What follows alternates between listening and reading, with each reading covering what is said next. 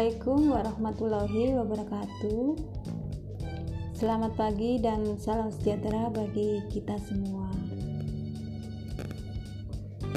Adik-adik mahasiswa, kali ini kita akan membahas tentang deret tak hingga dan deret berpangkat. Adapun tujuan dari mata kuliah ini yaitu diharapkan nanti Anda mampu menggunakan prinsip deret tak hingga di berbagai aplikasi fisika, terutama untuk menghitung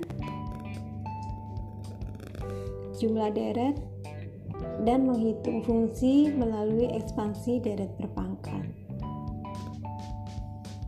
Baiklah, kita akan masuk ke materi tentang deret ukur.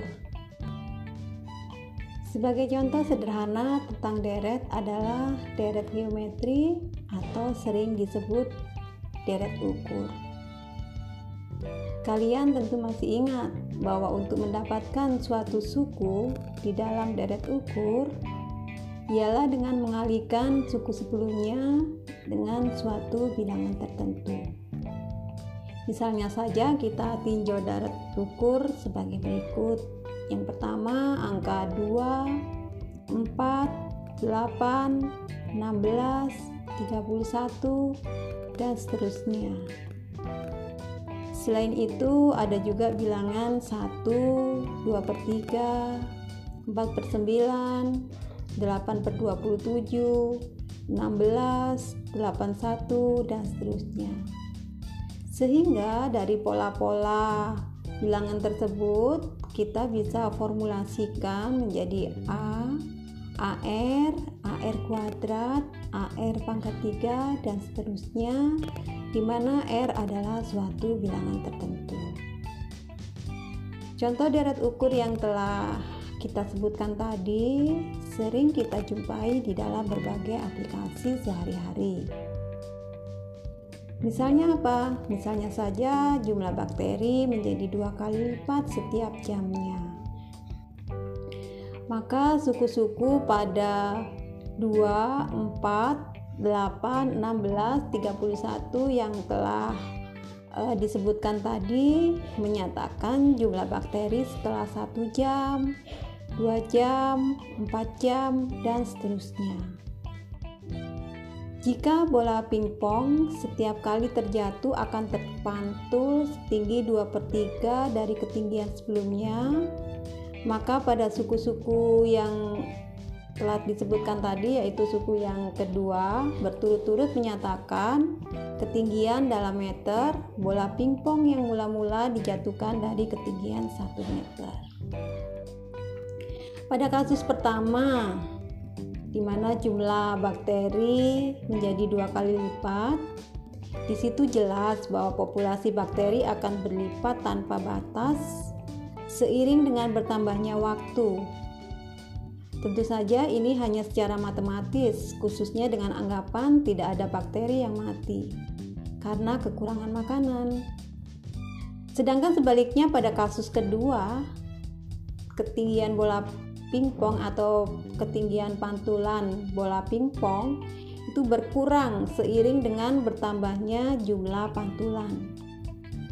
Pertanyaan yang menarik adalah berapakah jarak total yang ditempuh oleh bola pingpong tersebut?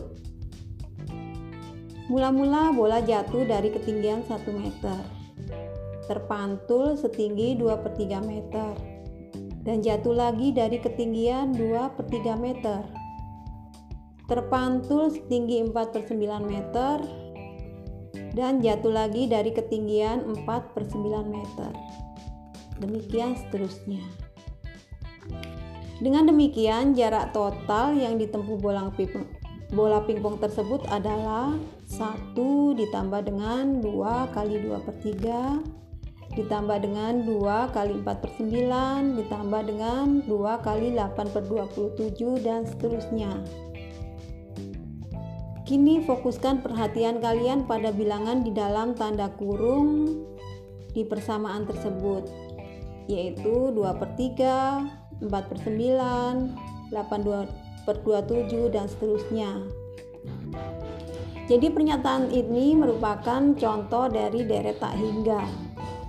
Artinya, deret yang jumlah sukunya menerus sehingga ada tak hingga suku.